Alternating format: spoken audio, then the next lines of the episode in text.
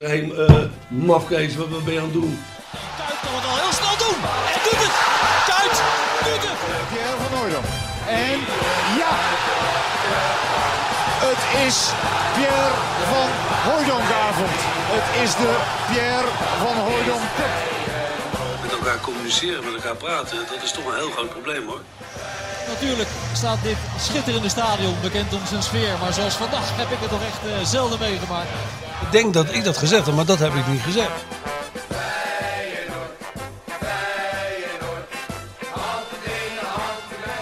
Welkom bij de tweede Dik voor elkaar podcast. En het is me toch weer een genoegen dat hij uh, zijn schrijvershuisje heeft verlaten en is afgedaald naar de huismeester om uh, een kleine drie kwartier uurtje over Feyenoord te, te praten. En uh, hij is niet alleen vandaag.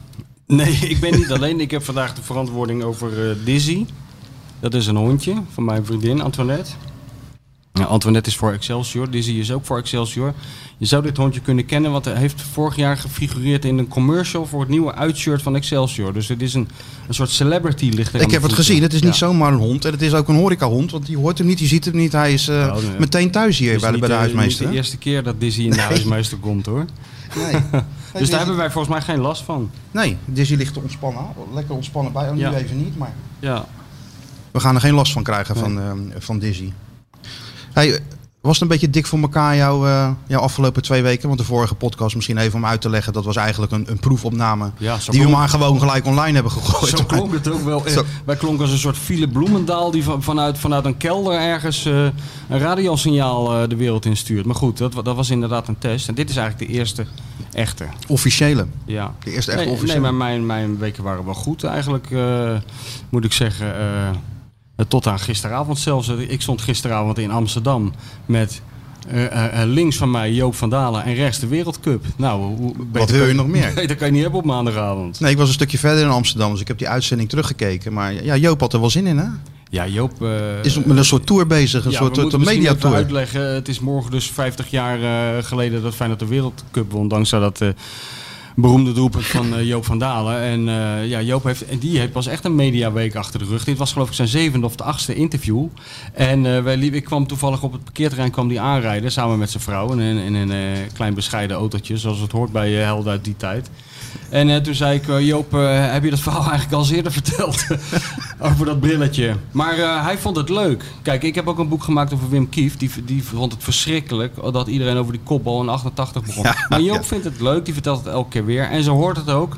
Want dit is een verhaal dat, dat is zo, hoort zo bij Feyenoord. Dat moet tot in de eeuwigheid uh, blijven verteld worden. Dat is natuurlijk ook zo. En het probleem is met zo'n uitzending in, uh, in de, die, die, die, nieuwe wereld draait door. De, de vooravond. Mm -hmm. Wat doen ze dat eigenlijk in Amsterdam? Zelfde locatie? Ja, zelfde locatie. Zelfde locatie. Ja, heb je natuurlijk maar tien minuutjes om even dat, dat, dat verhaal te vertellen. Hè? Ja, dat is eigenlijk zo zonde. Want ik, het kwam niet helemaal uit de verf. Het was ook mijn schuld. Ik was ook helemaal niet goed. Ik haalde ook allemaal dingen door elkaar. Uit, ik weet niet hoe dat kwam. Al een jaartal. Het sloeg eigenlijk helemaal nergens op. Maar het is zonde, want ik had een hele middag, zoals dat gaat, ga je toch een beetje voorbereiden of je geheugen opfrissen. En dan ga je weer verdiepen in die geweldige historie van Feyenoord, wat ik altijd graag doe.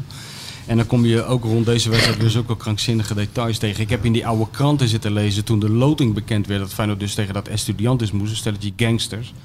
En de horrorverhalen die je dan las. Hè, dat is een van de verhalen. Die zeiden ze dat die spelers waren wel eens op betrapt dat ze allemaal stiekem een naald mee het veld innamen. Waarmee ze dan hun tegenstander in de benen en in de kont prikten. Dat soort verhalen stonden er in Nederland in de kranten. Dus, maar goed, heb je bij zo'n tv-programma allemaal niet zoveel tijd voor? tijd voor, nee, nee. Nou, wat, ik, ik spreek natuurlijk ook wel eens mannen uit die, uit die tijd. En ja, de reputatie van die gangsters, zoals juist noemen, waren ze natuurlijk al vooruitgesneld. Hè? Die, uh, die Argentijnen. Ja. Echt, voor mij was het Milaan dat dat bont en blauw uit, ja. uit, uit uh, Buenos Aires terugkeerde naar, ja. uh, naar Europa. Maar het gekke is dat die spelers van Feyenoord eigenlijk wel naar uitkeken naar dat, uh, dat wedstrijdje daar. Met de lijnvlucht natuurlijk naar Argentinië. Het was uh, twee keer overstappen. Eerst in Parijs en toen in Rio de Janeiro. Het heeft 20 uur geduurd. Ze gingen economie. Ja, maakte ook geen bal uit. Hè. De beste voetballers van Europa gingen gewoon economie daar naartoe. Uh, en ze deden daar heel laconiek over. Ik heb wel eens een, uh, die, die uitzending teruggezien dat Rinus Israël wordt dat jaar voetballer van het jaar. En dan wordt hij geïnterviewd door Joop Niezen, nog helemaal in het zwart-wit tijdperk. En dan zegt Niezen van nou oké, okay, je bent nu voetballer van het jaar. En straks gaan jullie voetballen om die wereldbeker. Heb je daar zin in? Vind je dat wat? En dan zegt Israël letterlijk, nou ik vind het altijd wel leuk om even te voetballen.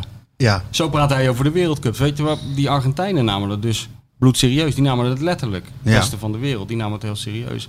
Maar Feyenoord was daar in Argentinië eh, gewaarschuwd voor een soort hel. Maar daar viel het heel erg mee. Het liep als uit de hand in Nederland. Ja, want daar, eh, die Argentijnen kwamen op voorsprong. Het werd een beetje vervelend toen, eh, toen, toen Feyenoord scoorde, volgens mij. Als ik de, als, als ik de verhalen dan, dan moet geloven. Maar ja, de echte slag die werd natuurlijk hier in Rotterdam gevoerd. Ook tot vermaak van spelers zoals Israël van Hanegem. En noem ze allemaal maar op. Die zo'n partijtje natuurlijk niet uit de weg gingen. Nee, nee ja, en, dan dat, eh, en dan dat jongensboekenverhaal. Dat blijft natuurlijk zo ontzettend goed. Dat Joop van Dalen, ook een jongen van Rotterdam-Zuid...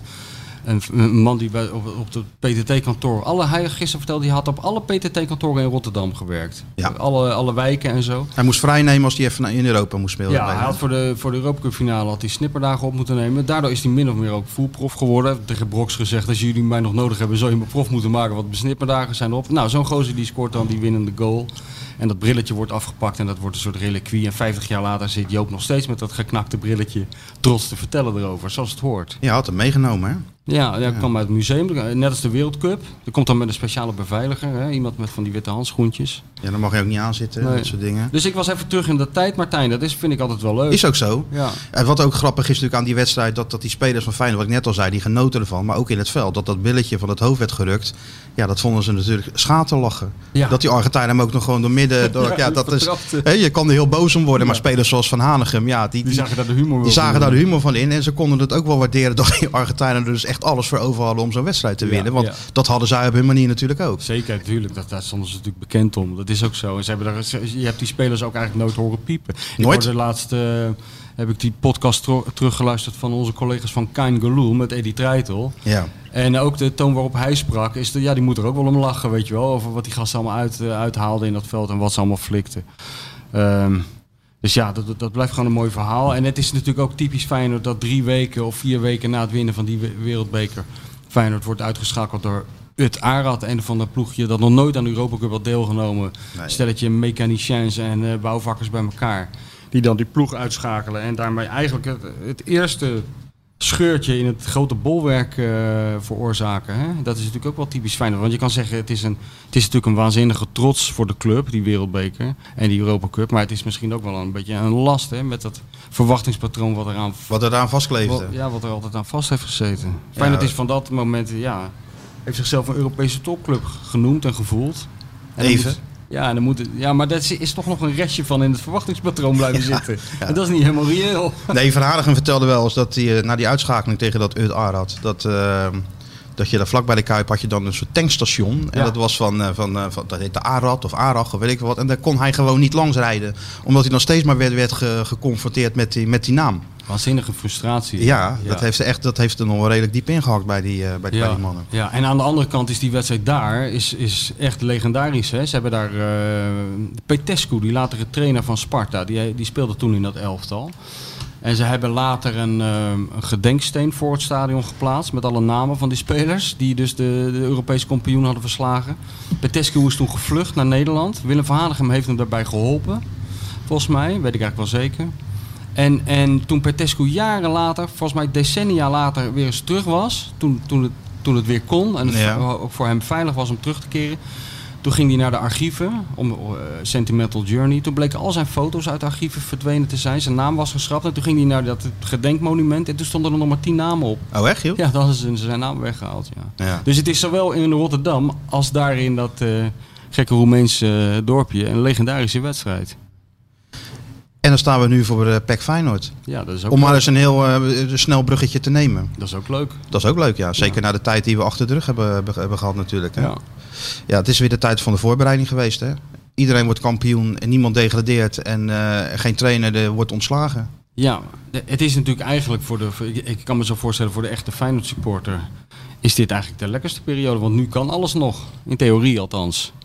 Alles is nog mogelijk nu in de voor. Je kan je Ja. helemaal gek dromen. Kijk, als je straks de eerste, eerste vijf wedstrijden verliest, dan kan je wel ophouden met dromen. Maar nu kan, nu Nu, kan, kan, het alles nog. nog. Ja, nu kan het nog. Nu zit nu iedereen op die roze wolk natuurlijk. Ja. Bij, eh, oh, bij Feyenoord in iets mindere mate. Vanwege die, eh, de, de, smalle van, de smalte van de selectie dan. En, en, en de trainer die er graag nog wat spelers bij wil hebben. Maar ja, hoe kijk jij ernaar? Ik denk als ze toch iedereen fit hebben met dat ploegje. Dan zouden ze toch wel een, een redelijk seizoen moeten kunnen gaan spelen.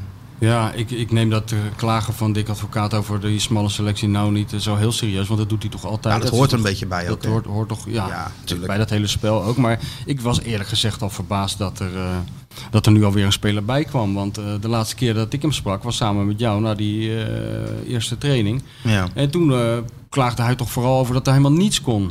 En nu kwam er toch iemand uit de Hoge Hoed. Hoe zit dat dan? Een Portugees. Ja, nou ja, daar was nog wel een beetje geld om, om, om te huren. Dus vandaar dat deze, dat deze. We hebben hem gezien trouwens, die, die Portugees. Want je kreeg wel natuurlijk vorige week over. Uh, of vorige week, een aantal weken geleden. over spelers die wel of niet bij Feyenoord passen. En toen kwamen we ook op die pellen, die natuurlijk een hele aparte band had met die. Ja. Uh, maar dit is ook zo'n eentje. Dat met een keurig, keurig gekapt haar. En, ja. en, en uh, een, een, een, een good-looking speler waarvan je dan meteen de verhalen krijgt. Ja, maar die past helemaal niet, uh, niet, niet, niet bij Feyenoord, weet ja. je wel, waar we het eerder over hadden. Ja, ja, nee, ik moest ook aan Pellen denken inderdaad. Maar ja, toch dat beeld van, van, van dat zo'n Feyenoord kulspeler per se lelijk moet zijn, zoals vroeger. ja. Dat moeten we toch wel Daar moeten we nou vanaf, hè? Vanaf, want uh, Guidetti was natuurlijk ook, ja, niet dat hij knap was volgens mij, als ik er verstand van heb. Maar het was niet zo'n playboy als. Maar daar moet misschien vanaf. Misschien heeft deze jongen wel iets, ja, hij had een beetje de uitstraling meer van een hockeyer. Of een uh, Argentijnse rugbier of zo. Zo'n keurige kostschooljongen. Maar uh, ja, wie weet, we, daar moeten we niet op beoordelen. Denk Vind ik. ook niet. Nee, nee. Ik had het trouwens met Arnees nog over. Die heb ik geïnterviewd tijdens dat tenniskamp in, uh, in Duitsland. En, en daar ging het over dat, dat hem, hem het ook opviel dat uh, als het over Feyenoord ging, dat ze ook tegen hem zeiden: je moet typische Feyenoord-spelers moet jaren. Typische ja. Feyenoord-spelers. Dat hij zich afvroeg: maar wat zijn nou typische Feyenoord-spelers? Ja. Dus hij vindt ook dat de club van het gekke stempel af moet. En hij zegt: Feyenoord-spelers, dat zijn goede spelers. Ja. Nou goed, dat heb jij natuurlijk in de loop der tijd ook wel meegemaakt. Dat er, dat, dat er steeds met de over daar werd doorgezeverd.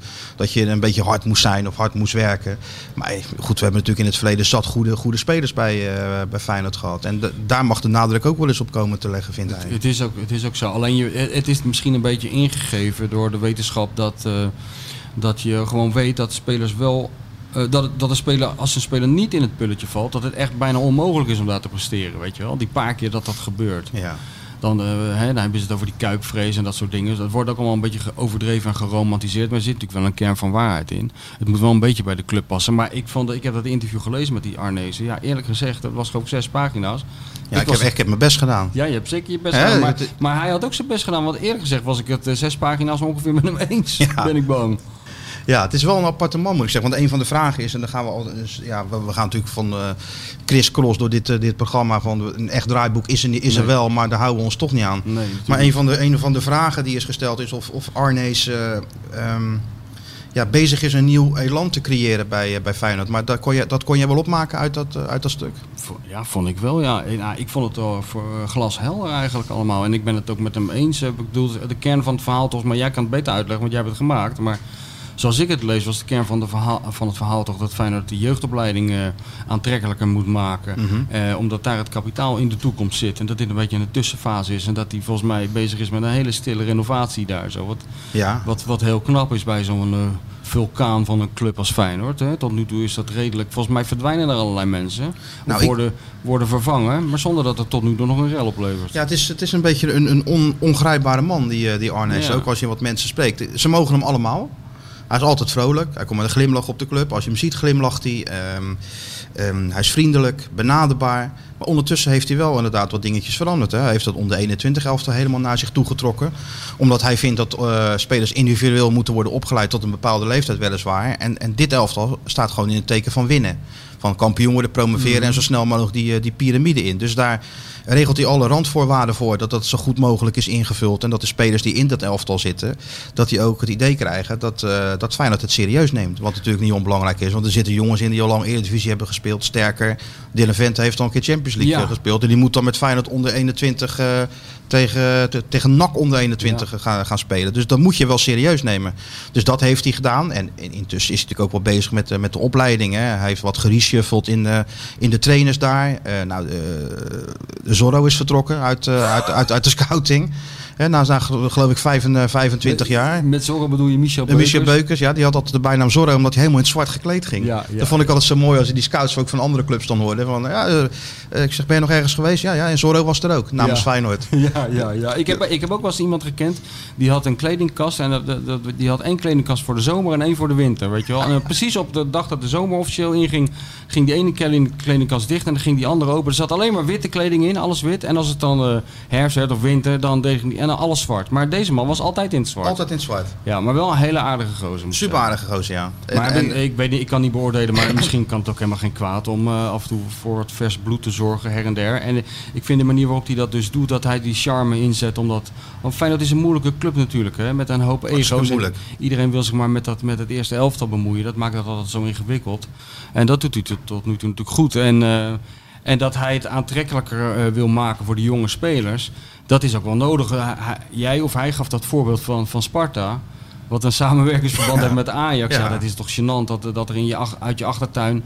Dus de, de goede Rotterdamse spelers, neem ik aan, zo eh, richting Amsterdam gaan. Ja, en ook uit de regio. Ja. Tegelijk zegt hij, ja, je kunt het niet verbieden. Wij moeten maar zorgen dat wij de beste opleiding Ja, ik vond het heel goed, niet klagerig. Ik vond ook heel fijn dat hij een beetje relativerende toon over zichzelf had. Zie je ook niet zoveel bij Nee. die technische dir- eh, di- directeurtjes. Nou, wat mij beviel was dat hij ook gewoon kritisch is. Ja, Zelfkritisch. hij en vraagt dat is daar zelfs om, om kritiek. Hè? Meer, Zeker, ja. want en dat heeft er bij Feyenoord natuurlijk wel eens aan ontbroken. Want Ja. als je kritiek had, zeker op de opleiding, nou dan werd je, werd je met aangekeken alsof je niet helemaal goed bij je hoofd was. Terwijl er natuurlijk dus genoeg eh, viel aan te merken natuurlijk de laatste jaren. Ja. En deze man komt binnen als, als technisch directeur en zegt dan ook van, eh, ja weet je, we kunnen natuurlijk wel net doen alsof er niks aan de hand is. Maar als je kijkt wat er is gebeurd de afgelopen jaren, onze beste spelers zijn allemaal naar andere clubs Ja. eh, vertrokken voordat ze hier in het eerste speelden. Maar volgens mij is dat een trend die, die ja, in jouw tijd, dat, dat die ook al was. Hè? Dat goede jeugdspelers al naar andere clubs gingen voordat ze bij Feyenoord... Of, of sterker nog, had je bijna niemand die echt eh, doorbrak vanuit, eh, Nee, vanuit de je had eigenlijk niemand natuurlijk in het, zeg maar in het begin. Maar ik weet niet of, kijk, eh, die tijd die ik in het begin bij Feyenoord heb meegemaakt, dat, dat, is niet verder een maatstaf, dat was een persoonlijk iets. Maar ja, ik, toen ik daar begon, dan was er eigenlijk maar één naam die eh, rondzoomde. Dat was Bobby Petta. Ja. Daar, daarvan werd toen gezegd van ja, dat, dat, dat, Dat is eindelijk heeft, heeft wat Ajax had met Brian Roy en dat soort jongens, dat heeft Feyenoord nou met Bobby Petta. En in het kielzog van Petta kwam toen van Bronckhorst, die heb ik toen nog wel zien voetballen in de jeugd en zo. En, eh, en dat was een veel minder opvallende speler. Die is ook later. eh, en Petta is toen gedebuteerd in de openingswedstrijd tegen Barcelona. Deed hij het gelijk ijzersterk. Ja, ja, ja, ja. Scoorde volgens mij één of twee keer. En dachten ze, ja, dit is hem helemaal. En dan, dan zie je hoe raar dat voetbal gaat. En hoeveel karakter ook een rol speelt. En omstandigheden. En geluk, niet te vergeten. En toeval. Want Petta is natuurlijk, ja, die heeft nog wel in Engeland gevoetbald. In Schotland bij Celtic en zo. Maar die is bij Feyenoord nooit doorgebroken. En Van Bronckhorst heeft natuurlijk het, al, alles uit die carrière gehaald wat erin zat. Dat is werkelijk niet te geloven. Ik ben wel eens bij die Betta geweest in, eh, in, eh, in Celtic. Dat was ook, inderdaad in Nederland een vergeten speler. En, maar daar was het een soort ster. Ja, ja. Nou, Zo nog ze dat ook wel er- aardige gozer, vond ik het wel. Ja, Deed- deed- het, eh, open jongen. Ja, Ja, ja, ja. Nou, toen ik er was, toen, toen, toen, toen speelde hij niet zo goed. Want toen stond er in de krant een hele grote kop... Things can only get better. maar ehm, wel een aardige roze, ja. Maar natuurlijk niet te vergelijken met wat, wat Van Bronckhorst er allemaal uitgeperst heeft. hè. Nee, dat is, dat is zo, ja. Maar het is wel grappig, want de Feyenoord eh, worstelt dus eigenlijk al een hele tijd met dat probleem. Want wat heb je nog gekregen? Je hebt natuurlijk die lichting waarvan uiteindelijk een aantal spelers naar het eh, WK is gegaan in, in Brazilië. En daarvoor had je Van Persie, eh, ja, Leonardo. En, Nou ja, je hebt toch ook die, die, die, die periode gehad dat het noodgedwongen door geldgebrek ja, dat was die jongens, Ja, de Vrij, et cetera. Ja. Martens Indy, die, die kwamen toen door. En het, het- wat ik ook nog weet, is dat Feyenoord altijd zo krampachtig deed als er een, een speler uit de opleiding een keer dreigde door te breken. dat had je maar dat was met- omdat het zo bijzonder was natuurlijk. Daardoor was er extra druk, weet je wel. Kijk, ik denk dat dat bij een club als Ajax, waar, waar er gewoon een paar per, seizoen- per seizoen doorbreken, dan ligt er niet zoveel druk op. Nee. Maar als jij eh, als Petta zijnde de eerste bent in, eh, in tien jaar, ik zeg maar wat. Eh, Denk je niet? Dat ja, nou, maar, wat, nee, maar weet je nog toen Leonardo eh, door, Ja, doorbrak? ja. Dat was, nou, daar heb Jan Zwart als een soort eh moederkloek bovenop gezeten. En Ja, dan- maar ik denk dat daar toen ook wel wat dingen meespeelden als arbeidsinspectie en Ja. paspoorttoestanden. Daar lag toen ook heel veel druk op, hè, op, op dat vlak. Maar ja, Feyenoord heeft daar toen heel spastisch is maar omgegaan. En die Leonardo die kwam gewoon heel vaak niet opdagen. Want ik weet nog dat we, dat we op trainingskamp waren in, in, volgens mij ergens in Portugal. En toen, was, toen gingen ze Leonardo ophalen van de luchthaven. Toen was hij er weer niet. En het was geloof ik de derde of de vierde keer dat hij niet kwam. Dus een beetje Romario-achtige trekjes. ja, zeker. Want ik weet nog wel dat als hij ergens landde, dat hij ook via de achterdeur werd, werd hij meegenomen en zo. En, werd heel en dan belde hij Jan is Leonardo, Jan Zwart is Leonardo. er. Nee, dat- Jan wist helemaal van niks, maar die zat dan bij me in de auto, weet je wel. Dus nou, dat was wel ook wel weer een, eh, een mooie tijd. Dat, Ja. eh, dat ze daar zo krampachtig eh, over Ja. deden. Terwijl die jongen gewoon hard benaderbaar was en, en, en verder geen gekkigheid. Nee, nee. Sterker, Jan heeft nog wel eens een heel stuk toen eh, bij ons in, de, in Voetbal International geschreven. Kan je dat nog herinneren? Nee, dat Het ging ook niet. over, die, over dat paspoort en zo. En Ja, dat- dat zou wel kunnen, ja. Nou, het gekke is dat Leonardo mocht niet, maar nu wordt het wel heel privé, maar Leonardo mocht dus niet geïnterviewd worden. En er was één vrouwelijke journalist van het Algemeen Dagblad, een blonde mevrouw, ja, wie is die achter hem eh, aanzat en die hem uiteindelijk als eerste heeft geïnterviewd. Dat was uiteindelijk mijn eigen vriendin, Ja. de eigenaresse van Dizzy, die nog steeds heel rustig onder, aan mijn voeten ligt. Maar goed, we hebben het nu alweer over de middeleeuwen, zeg hé. Het is wel een beetje Ja, open maar we gaan, we gaan van hot naar her, maar ik wil, ik Oh, wil ja. alleen maar mee aangeven dat het eh, bij Feyenoord altijd bijzonder is als er een, een speler doorbrak. En- Ja, maar is- ik vind dus, om om Arnezen terug te komen, Ja. ik had wel wat, ik- wat ik eruit proefde uit dat verhaal, dat hij het allemaal een beetje volwassen en internationaler, maar een beetje meer naar de maatstaven die hij gewend is bij Chelsea. Bijvoorbeeld wat hij heeft gezegd, eh, we gaan die spelers gewoon eh, individueel betalen. Tot nu, dat wist ik niet eens, tot nu toe krijgt iedereen hetzelfde salaris. Maar nu gaan we gewoon wie er beter is en meer talent heeft. Tuurlijk, potentie, talent, ja, dat wordt nou... Dat geeft, wordt- dat geeft wel aan dat hij het allemaal wat volwassener en professioneler eh, wil maken. Ik vond het allemaal wel goed klinken hoor. En het lijkt mij ook logisch dat Feyenoord daar zijn kapitaal uit moet zien te halen. Hoe moet Feyenoord anders aan geld komen, behalve dan die Injectie, die injectie waar hij het over heeft, waar ik verder nooit meer iets over hoor. Ja, het is nog steeds de snelste manier voor een club om natuurlijk geld te verdienen. Spelers eh, opleiden, ontwikkelen Ja. en, eh, en, en doorverkopen. En dan is het natuurlijk ook wel pijnlijk als je naar die statistieken kijkt. En ja, wat is de duurste eh, verkoop van Feyenoord geweest? Karsdorp naar Roma of Ja. Congolo naar En wat is dat? 15 miljoen. En dan gaat hij van de Beek gaat voor 39 miljoen exclusief bonussen naar Manchester United. Hè? Terwijl als- je Ajax en Feyenoord qua clubs naast elkaar legt... Dat zijn natuurlijk bij, ja, qua grootheid in Nederland ontloopt het elkaar natuurlijk allemaal niet zo heel veel. Nee, maar dat is juist de frustratie altijd. Dat je voelt, gaan, daar hebben we het vorige keer over gehad. Je voelt aan alles de potentie van die club. Mhm. En je voelt dat er veel meer in zit altijd. Tenminste, dat, dat idee heb ik altijd. Ja. En, en ehm, ik, ja, ik vond dit wel. Ik vond het een goed, goed gevoel uitstralen van die Arnezen. Het was ook niet dat Calimero-gedrag. Nee. Weet je wel. Ik vond het een. een- Het moet stoppen, zei hij ook. Onze jeugdspelers die naar Ajax gaan. ja, heel duidelijk allemaal. Klaar ermee. Vond je, maar wat vond jij ervan? Of vond je het, geloof je het ook allemaal? Wat die, kijk, ik, ik, heb het, eh, ik heb een jaar met Rob Jansen rondgelopen voor dat boek. Dus ik weet, ik weet wel dat dit is natuurlijk nog maar 1% van wat er eh, in werkelijkheid allemaal gebeurt. Maar die 1% beviel mij wel. Zeker. Het is, eh, nou ja, mij ook wel. Want het blijft een, wel een intrigerende man, die Arnees. Want als je advocaat wel eens spreekt, nou ja, wat je zegt, die wil spelers erbij. En, en terecht kijk je naar zijn eigen selectie. En je ziet natuurlijk bij onder 21 een, eh, een nieuwe fysio, een nieuwe speler uit Noorwegen, eentje uit Portugal, eh, een trainer van AZ die wordt gehaald. En hij denkt, ja, ik heb niet eens genoeg mensen om oefenwedstrijden in Duitsland te kunnen spelen. En dan, en dan, dan zit, wint hij zich op. Maar ja, dan vertelt hij later dat hij Arnissen belt en dat hij hem aan de lijn krijgt en dat hij dan gewoon helemaal niet boos kan worden. Nee. Want het is zo'n aardige man. En dat is toch ook een kwaliteit hoor. Als jij gewoon lach bent, een lachend gezicht, Ja. eh, de, de, de meest drastische beslissingen eh, kunt nemen en iedereen vindt je een aardige gozer. Ja, ja, ja. Doe me opeens denken aan wat het heeft er helemaal nergens mee te maken. Maar aan wat Peter Houtman laatst vertelde over Jezek, de oude trainer van Feyenoord. Die was er altijd zo heel goed in om heel vriendelijk tegen je te vertellen dat je weer op de bank zat. Meneer Houtman, goedemiddag, hoe maakt u het? Helaas zal ik u moeten mededelen dat u ook vanmiddag op de bank zit. En dan vriendelijk weg. Dat is een kwaliteit inderdaad. Ja, maar wat moet je doen dan? Ik, ik denk dat Arnees het ook eh, weet te verkopen aan de advocaat. Omdat hij best wel duidelijke argumenten heeft ervoor. Ja, En het is gewoon die, die spanning die er altijd zal zijn tussen de ene die de korte termijn dient en de andere die de lange termijn moet, moet dienen. Voor zover dat gaat in het voetbal. Ja, dat spanningsveld zal er altijd eh, zijn. Ja. Dat is toch niet zo erg? Helemaal niet. Dat hoort, dat hoort ook zo Ja. natuurlijk. Want Arnees is natuurlijk ook voor de, voor de langere termijn. Die zegt ook dat hij iets moet achterlaten voor jongens van 16, 17, 18 jaar. En dat is natuurlijk ook Ja. zo. Maar het hele, hele fenomeen technisch directeurschap. Dat is bij Feyenoord natuurlijk. Wie was nou Rob Baan, denk ik, hè? De, de eerste serieuze technisch directeur. Ja, dat denk ik ja. En die, was die heeft het Want je had Hans Klaar had je natuurlijk nog even. Ger Lagendijk heeft volgens mij ook Ja, nog wel iets in die voor- rol. Ja, eh, dat was rond die HCS-tijd. Die, die is er toen daarna, na die renovatie, volgens mij eh, verdwenen, Lagendijk. En is gewoon weer een zaakwaarnemer geworden. Maar ik denk inderdaad dat Rob Baan de eerste eh, serieuze technisch directeur was. Ja, en die heeft het natuurlijk helemaal niet slecht gedaan. Nee, die hebben het niet slecht gedaan, nee. Die hoorde ik ook nog hierover, weet je wel. Die zegt, daar zei ook wel interessante dingen. Bij Rijnmond was dat. Ja. Ja, heb ik ook gezien, ja. En die zei ook over de, de, de transfer van eh Senesi, weet je wel. Dat eh, je ook niet blind moet sparen op het bedrag wat je krijgt. Omdat eh, er eh, allerlei afspraken nog liggen in zo'n contract. Hè, met door, eh, Ja, zeker, zeker, eh, ja, die zeker in dit club. contract. Ja, Anders hadden ze hem helemaal niet kunnen kopen. Nee. Ze hebben er ook iets van 6, 6, 6 miljoen over gemaakt aan die, eh, aan die Argentijnen. Met, eh, met wel de, de, de afspraak dat eh, als Senesi gaat, dat die club ook nog een flink aandeel meepakt. Ja. Ja. dat is nu eenmaal de rol die Feyenoord nu ook, of de positie waarin Feyenoord zit. Ja. Dat ze, als ze een speler van dat kaliber willen hebben, zullen ze vooralsnog dat soort afspraken moeten maken. ja. Waardoor je dus eigenlijk nooit echt iets kan verdienen. Nee. Waardoor je dus eigenlijk nooit opschiet. Daardoor Nee. vond ik het wel goed dat eh, Arnezen toch het, eh, het over een andere boeg gooit. Ja, Dat is niet zo slecht. dat, dat vind ik ook. En het moet ook eh, ge- gewoon, het kan ook dat Feyenoord aantrekkelijker wordt voor jeugdspelers. En het is veel te vaak gebeurd. Ik heb zoveel eh oud, oud-spelers, oud-Feyenoorders geïnterviewd, weet je wel, die dan een hele carrière hadden gemaakt daarna bij andere clubs in het binnen- en buitenland. En dan ging je met ze praten. En dan, dan- zo vaak zeiden ze van, ja, ik heb één fout gemaakt. Ik had langer geduld moeten hebben bij Feyenoord. Ik heb maar eh, 15 wedstrijden gespeeld.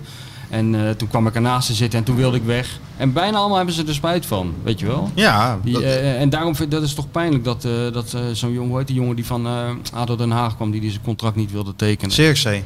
Nee, eh, Die nou bij, bij München zit bedoel je? ja, dat is ook pijnlijk.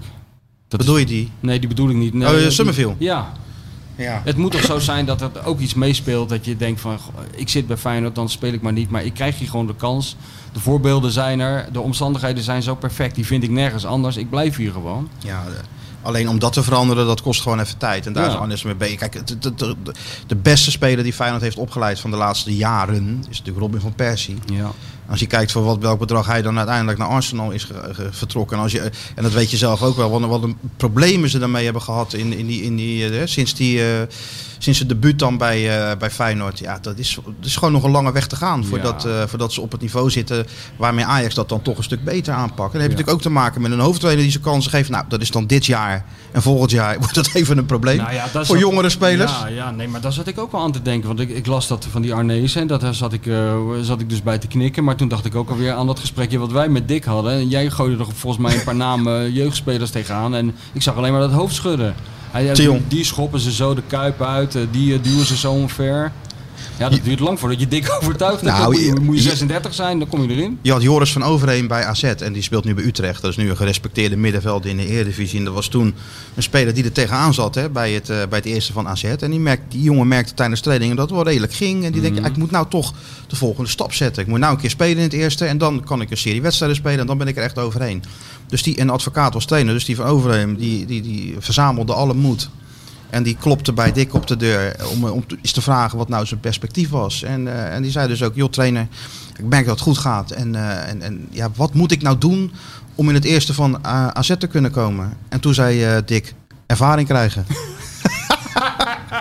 Ja, catch 22 is dat. Ja. ja. Succes jongen. Ja, nou Ja. zit hij bij, eh, bij, eh, bij Utrecht. ja, ja. Zullen wij trouwens een kopje koffie bestellen? Want ik ja, heb, er eh, hangt hier dus een ouderwetse zwarte bakkelieten telefoon. Op de eerste verdieping van de huismeester. Die kan jij gewoon pakken. En als je dan, een, als je dan naar nummer 22 belt, dat staat erboven. Dan krijg je dus de barman aan de telefoon, als het goed is. En dan kan je gewoon... Ja, dit is ongelooflijk. Ik hoor dus nu beneden een belletje. Een soort... Het lijkt wel Swiebertje dit. we bellen nu met een Spartaan. Ja, het is wel een Spartaan. Ja, we doen het ouderwets. Ja, maar wij zijn zelf ook Met ouderwets. deze Spartaan in de huismeester. Daar zal, je hem net, daar zal je hem net hebben. Mogen wij nog een koffie? Want... eh koffie, ja? Ja, lekker. Perfect geregeld weer bij, eh, bij, bij de huidme- Ja, huismeester. we zitten hier perfect, man. Er is helemaal niks mis mee. Een Bedankt. hond die voor Excelsior is en eh, een- een- de bediening is voor Is, Sparta. is voor Sparta.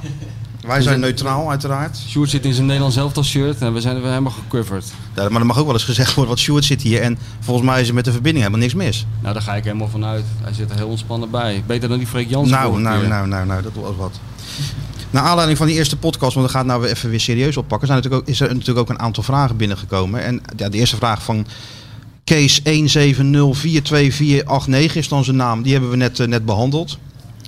Eh, een andere vraag komt van Jaap Mees, eh, gaat Berghuis echt naar China? Nee, dat gaat hij niet. Die kan ik wel beantwoorden. Berghuis is vooral even met zichzelf bezig. Die heeft een, eh, in de voorbereiding een bacteriële infectie in zijn longen gehad. En dat heeft er bij de jongen zo in, eh, ingehakt dat hij gewoon even tijd nodig heeft om daarvan goed te herstellen. Niet eens fysiek, maar ook wel mentaal. Ik bedoel, als jij topsporter bent Ja. en, en ineens vind je jezelf terug in de- drie dagen in het Erasmus ziekenhuis. Ja, dan, dan ga je toch wel even twijfelen aan je, aan je eigen lijf. Ja. Apart is dat, hè? Dat je Ja. toch wel gewoon zo fit bent en, en dat toch kan gebeuren. En ik sprak advocaat erover en die zei ook van... ja, ik heb tegen Berghuis gezegd... jij bepaalt wanneer je traint, jij bepaalt wanneer je speelt. Eh, want jij kent je eigen, eigen lichaam het beste. Nou ja, hij heeft nou een uurtje gespeeld tegen, tegen HSV. Een hele wedstrijd tegen Club Brugge. En, en dat ging goed. Dus de aanvoerder is er wel gewoon bij tegen, tegen Zwolle. Maar hij heeft natuurlijk wel een deel van de voorbereiding eh, moeten, moeten missen. ja. Dus ja, dat is... Maar eh, China, waar komt dat dan vandaan, zo'n vraag? Is daar ooit Chinese, me- geweest? Chinese media kwamen er mee. Shandong Lueng of zo. eh, die zijn, de, schijnen heel betrouwbaar te zijn. De Chinese media.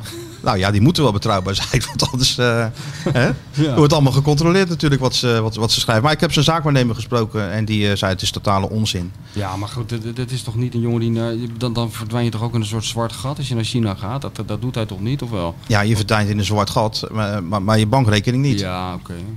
nou ja, die jongen is ook, eh, die nadert ook de 30. Hmm. Dus ja, die wil misschien nog even, even, even cashen. Ik kreeg Ja, weet wie dat zegt? ik- Cashen. Nee, wie zegt dat? Snor, hè? Oh ja, ik Cashje. Ja, cashje, ja, ja. Ik kreeg laatst een, eh, een, een, een appje uit China van Jean-Paul van Gastel. Ja, die zit daar nu. Ja, ja. Die, die hebben ook niet de meest denderende start, hè? Hij stuurde, wat, maar dat was een paar weken geleden, voor, voordat ze al die wedstrijden gingen verliezen, toen stuurde hij al, als je nog op zoek bent naar een nieuwe bestseller, dan moet je deze kant op komen. Ja, Ik denk dat het best een chaos is daar. dat zal best wel, ja. Ja. Nou, het is wel aardig, maar misschien al in het Chinees vertaald al je werk en zo. En eh, Ja. daar even carrière maken. Ja, ik- ja, ja, dat is een idee. Ja, waarom niet? Eerst even deze podcast. En dan hebben we nog een vraag. En die is van eh, Jeroen Koot. Werd er wel eens ontsnapt uit trainingskampen? Ja, werd er wel eens niet ontsnapt uit trainingskamp? Dat wou ik zeggen, ja. Nou, nu niet meer, maar... Nee, nu niet meer? Nee, nee, nee. Nu is het bijna onmogelijk. En die, die- ik heb het idee dat deze generatie spelers daar ook gewoon veel minder behoefte aan heeft. Ja, de- men, deze generatie heeft natuurlijk ook te maken met allerlei mensen om, om hen heen die een camera in de zak hebben. Dat is zeker zo, en ja. dat op internet zetten, waardoor de trainer gewoon in zijn hotelkamer het al op Twitter voorbij ziet komen. Als hij het heeft. Als hij het heeft, ja. Dan hebben ze met Dick Mazzel, want die heeft Ja, het niet. Maar, nee, eh, maar die Dick is zo ouderwets, die zit gewoon met een stoel naast de lift. Ja, dat had je vroeger, hè, Ja. dat ze daar zaten. Ja, dat nou, ik heb meegemaakt dat op Gran Canaria, dat je dan in die, eh, in die, in die uitgangskuil stond, wat je daar dan had. Ja. Weet je, met al die dingen. En, dat, en dan ineens je- Pierre van Hoorn ook naast je stond. Of, Ja. eh, of weet ik van wie er allemaal nog mee bij waren. En dat we dan vroegen, was dat plein helemaal verlaten. Was echt al diep in de nacht, zeg maar ochtend. En dat we dan vroegen, joh Pierre, die vrije trappen die jij nou eh, neemt, hè, kan je eens uitleggen, eh, hoe raak je hem dan precies? Ja. En dat er een bierflesje werd neergezet en Pierre ging daarachter staan. En zei, nou, dan neem ik, ga ik zo staan. En dan, en dan meet ik mijn passen en dan, dan, dan kijk ik en dan deed hij dat helemaal voor. en dan dat hupje en dan Ja. joekelde hij een, eh, een, een bierfles door die eh, Ja. de 20 meter door die, eh, door die goot. Ja, waanzinnig, hè? Ja. Of dat ze met z'n allen gewoon wat gingen drinken in de Heinekenhoek. In, op, op, eh, op Gran Canaria en viel Korniev gewoon van de trap naar beneden. Ja, nee, maar het, het, ik bedoel, het heeft ook volgens mij echt een functie. Want ik ben met heel veel van die trainingskampen ben ik mee geweest. En er is bijna niks. En daar ging ik ook echt mee in dat ritme van, van hun eigenlijk. Want ik zag al die Je trainingen. zat in de bubbel. Ja, ik zat echt in de bubbel en ik at met ze mee. En dat, dus ik kan dat hele regime. Dat is gewoon overal ter wereld waar, waar ik ben geweest met Feyenoord op trainingskampen. Dat is van Argentinië tot Kazachstan tot weet ik van waar. Is gewoon acht uur opstaan, negen uur ontbijten, half tien eh, masseren, half elf trainen, één uur eten, rusten, Rusten. tot drie uur, middags trainen, weer masseren, avond eten, elf uur naar bed. Overal waar je bent, weet je wel. Dus dat is dodelijk saai. Dus ik snap eh, heel goed dat eh, spelers moeten gewoon... Als je tien dagen in B-leg zit, jij hebt er ook vaak gezeten. Ja, daar, daar, daar, daar krijg je zulke ongelofelijke zelfmoordneigingen van. En daar kon je ook niet weg. Maar Feyenoord is natuurlijk wel plekjes geweest waar altijd wel wat te doen. Het mooiste was dat die spelers dan onderling ook afspraken van spijkerbroekje mee. Ja, ja, ja, ik had vroeger die functie een beetje helemaal in het begin, omdat ik dan vaak de enige was eh, die geen speler was, om een beetje vast op onderzoek uit te gaan. Weet Ja, en wel. ook extra, een extra broekje. Nee, dat deed ik niet. Ja, dat, dat, dat- Nee, is, is, nooit een speler die van jou een broek geweest die van jou Wel, een... eh, wel eens een speler die een kamer van me heeft geleend, maar geen Maar geen broek? Nee, nee, nee, nee, niet. nee. Nee, ja, dat is wel... eh, kijk, dat heb je Maar nou, dat heb je nou stukken minder. Kijk, nu gaan ze allemaal naar. eh, dat is natuurlijk ook wat jij zegt. Je, je kan, er is ook niks meer te doen. Ze gaan allemaal naar die. Naar die naar, naar B-lek en zo, waar alleen zo'n hotel staat. Ja, maar zo'n bel ja, vlakte. als je je best doet, Ja, dat, dat dat, wel. dat, daar kan je nog wel eventjes op, op pad. En, Maar in die tijd van Arie Haan ging gewoon eh, twee weken naar Argentinië en naar Amerika en zo. ja, en, dan gingen die, en, en er was die groep met Koeman en zo. Die ging Ja. natuurlijk niet op een houtje zitten bijten Nee. daar in, eh, in, eh, in Buenos Aires. Ik ben er geweest. ja. Daar is ook wel genoeg te doen. Ja, we zijn jij bent er ook geweest. Ja, en in Mar del Plata, dat was toen vakantieseizoen. Nee, dat, en ja, dat was gewoon waanzinnig. Maar ja, er gebeurden sowieso hele rare dingen daar natuurlijk met Arie Haan als trainer. Dat, ik weet nog, dat, we, dat, was ook zo, dat was eigenlijk een van de weinige trainingskampen die helemaal niet saai wa- waren. Want ik weet nog dat, eh, dat was in die tijd dat al die Zuid-Amerikanen werden Ja, gekocht. ja, ja, toch? ja. En ik weet nog dat ik op een dag naar dat trainingsveld toe liep met eh, Henke Larsson. En die, eh, die was altijd een, wel een beetje aan het klagen. Daarom was hij ook zo goed. Hij eiste gewoon veel van die club. Eigenlijk waar Arnees het over had. Had hij ook. Ja, Gewoon veel eisend. ja, veel eisen. Dus gewoon, ik wil gewoon een goed veld en een normale locatie en een goed hotel. En eh, heel vaak eh, was dat er niet. of in ieder geval niet alle drie tegelijk. En in dat Argentinië, ja, waarom Feyenoord nou naar Argentinië moest, dat is nooit helemaal opgehelderd. Maar in ieder geval, we zaten er en we liepen naar dat trainingsveld. Ik liep met hem zo op. En eh, toen was hij weer aan het klagen van het is veel te heet. En dit, eh, waar slaat het op dat we de- 30 uur in een vliegtuig moeten zitten. Want die reizen waren ook altijd een ramp met Feyenoord toen. En eh, dan zijn we hier. En toen we komen op dat veld. Hij zegt, het veld ziet er ook niet uit. En op dat veld staat een, jongen een balletje hoog te houden. Gewoon Argentijn- eh, ja, zo te zien Zuid-Amerikaanse jongen. In een beetje verschoten trainingskleding staat hij ballen hoog te houden. En, die Henke die zegt van ja, moet je kijken. Wat, dat is dan zogenaamd een topclub dat Feyenoord. Dat is gewoon een of andere supporter op ons trainingsveld. Wat is dat nou? Weet je wel, geklaagd. En eh, twee dagen later zag ik die jongen in die verschoten trainingskleding een contract tekenen. Want dat was Fernando Picoen. Die, die heeft nog aardig wat wedstrijdjes in Feyenoord 1 gespeeld, Zeker. weet je wel.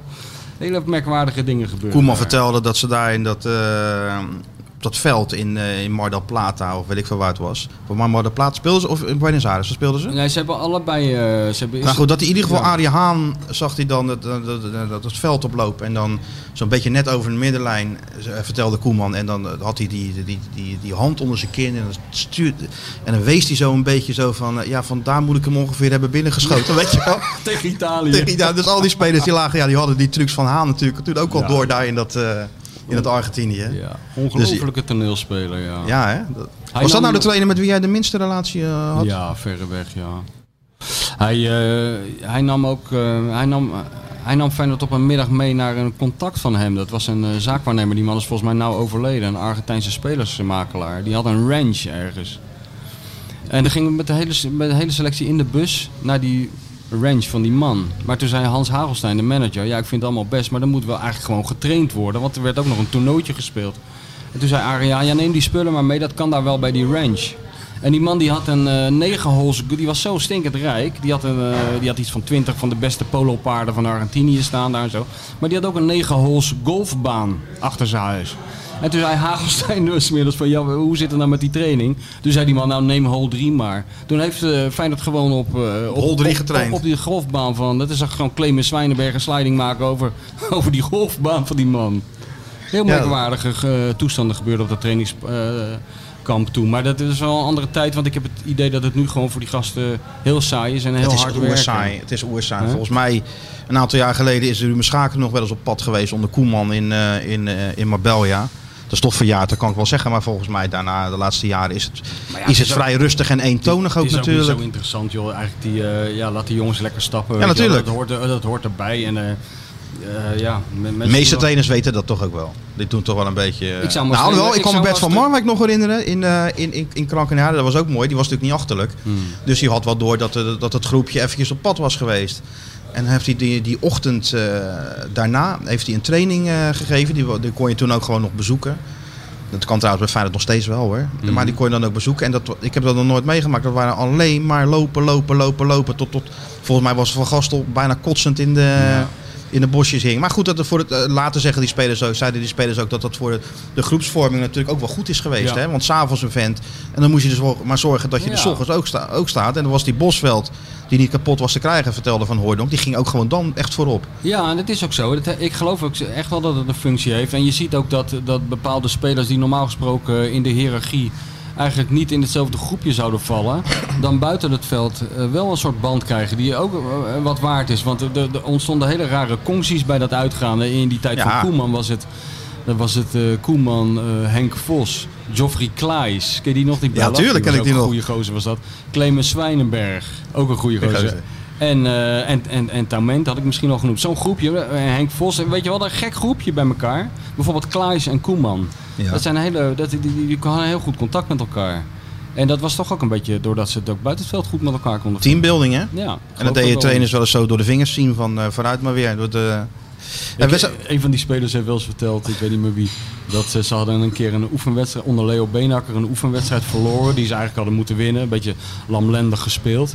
En dat die Leo toen een, een soort op zijn manier een donderspeech ging geven. En dat hij toen zei, jullie zijn zo dom dat je, je- dat je er niks eh, aan hebt gedaan vanmiddag.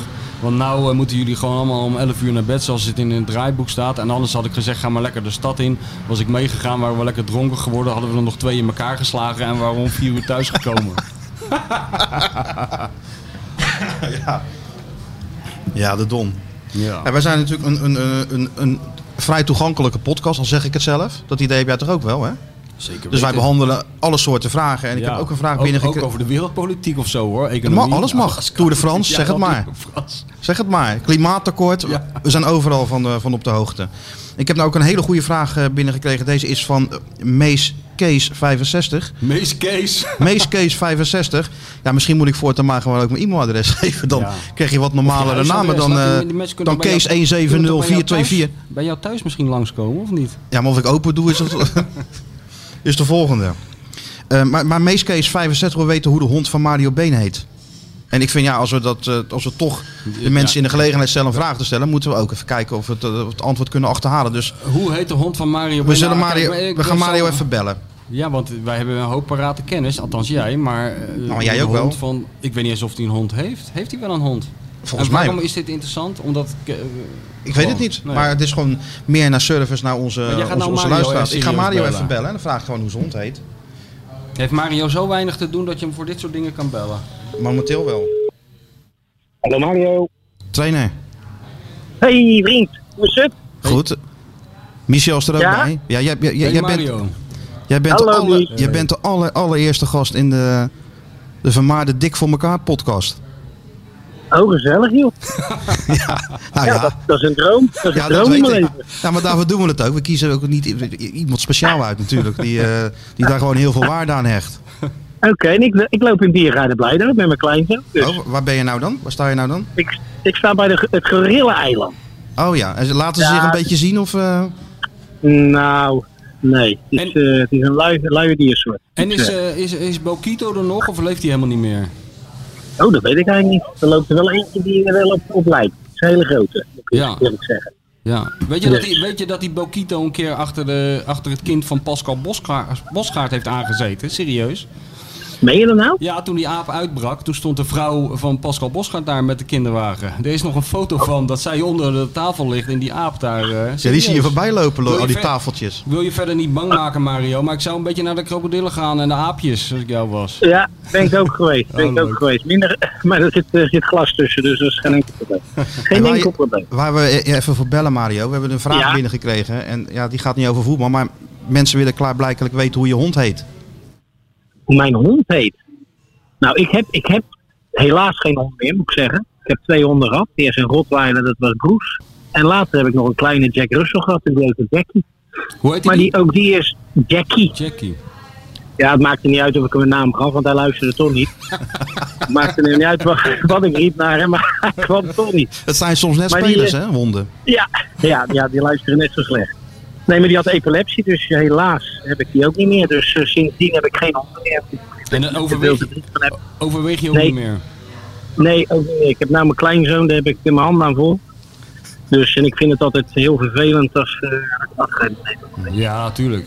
Dat is ook pijn. Ja, hey Mario, we hebben je toch even aan de lijn. Ehm Ja. Feyenoord, heb je er een beetje goed gevoel over? ja, ik moet zeggen dat ik er een heel goed gevoel bij heb. Ik denk dat Feyenoord een eh, goede voorbereiding heeft gehad tot nu toe. Ook wetende natuurlijk dat eh, de belangrijkste berghuis pas de laatste wedstrijd is ingestroomd. Maar ik denk ja, alleen achterin blijft het toch een beetje dun. Hè? En wetende dat Feyenoord drie competities moet gaan spelen, zowel UEFA Cup, eh, beker en, en competitie. Dan denk ik dat je achterin er toch wel wat bij mag hebben nog. Dus eh, ja, ik ben benieuwd of daar nog wat gaat gebeuren. Volgens mij wel. Volgens mij komt er nog een centrale verdediger. En dan hopen we dat Dick tevreden is. En dan moeten ze de competitie mee in. Ja, nou ja, dan, dan vind ik gewoon, ook kijkende naar vorig jaar, er is niet al te veel weggegaan. Is, of er is niet al te veel weggegaan. En wat erbij gekomen is, heeft ook nog een stukje scoren. Hopende dat Jurgensen ook weer een oude niveau gaat vinden, dan, eh, ja, dan denk ik dat Feyenoord toch gewoon weer mee gaat meedoen. Absoluut. Oké, mooi. Nou, ga gauw verder. Waar moet je allemaal nog Oké. Nou, we hebben, hij heeft nog een hele hoop nood op zijn zang. Maar aan de andere kant, ik zie hem nou ook met zijn speentje zitten. Dus het kan ook zomaar zijn dat het zo gebeurd is met. Nou, succes en bedankt hè. Mario, prettige Oké dag. jongens, Yes, jullie ook. Veel geluk. Doei doei. Dag. Het is gewoon een nieuwe rubriek. Even de, bellen met Mario. de rubriek Ja, hallo met Mario. Ja, ja dat rijmt toch ook? Ja, zo neemt hij ook altijd op volgens mij. Volgens mij wel, ja. Hij is toch een goede gozer. Ja, ook. natuurlijk is dat een goede gozer. Altijd, eh, altijd bereikbaar. Altijd eh, een beetje pech gehad als, als, als trainer van Feyenoord. Dat is natuurlijk zonde voor hem, voor hem geweest. Omdat, ja, dat was natuurlijk zijn droom. Nee, maar dat zag je ook wel aan eh, hoe lang het weer duurde toen hij toen die weg was bij Feyenoord. Voordat hij zijn gezicht weer eens liet zien, hè? hoe diep het zit. Dat, Dat heb je natuurlijk met Beenhakker gehad, dat heb je met Mario. Dat is, toch, dat is toch een behoorlijke knauw. Zeker Beenhakker wilde niet uh, schaal uitrijden. Die is volgens mij één keer geweest op de verjaardag van, uh, van Aad van der Laan, dacht ik. Hè, dat hij weer ja, een keer terug is geweest. Ik heb hem een keer meegenomen. Ook. Heb ook nog een keer meegenomen.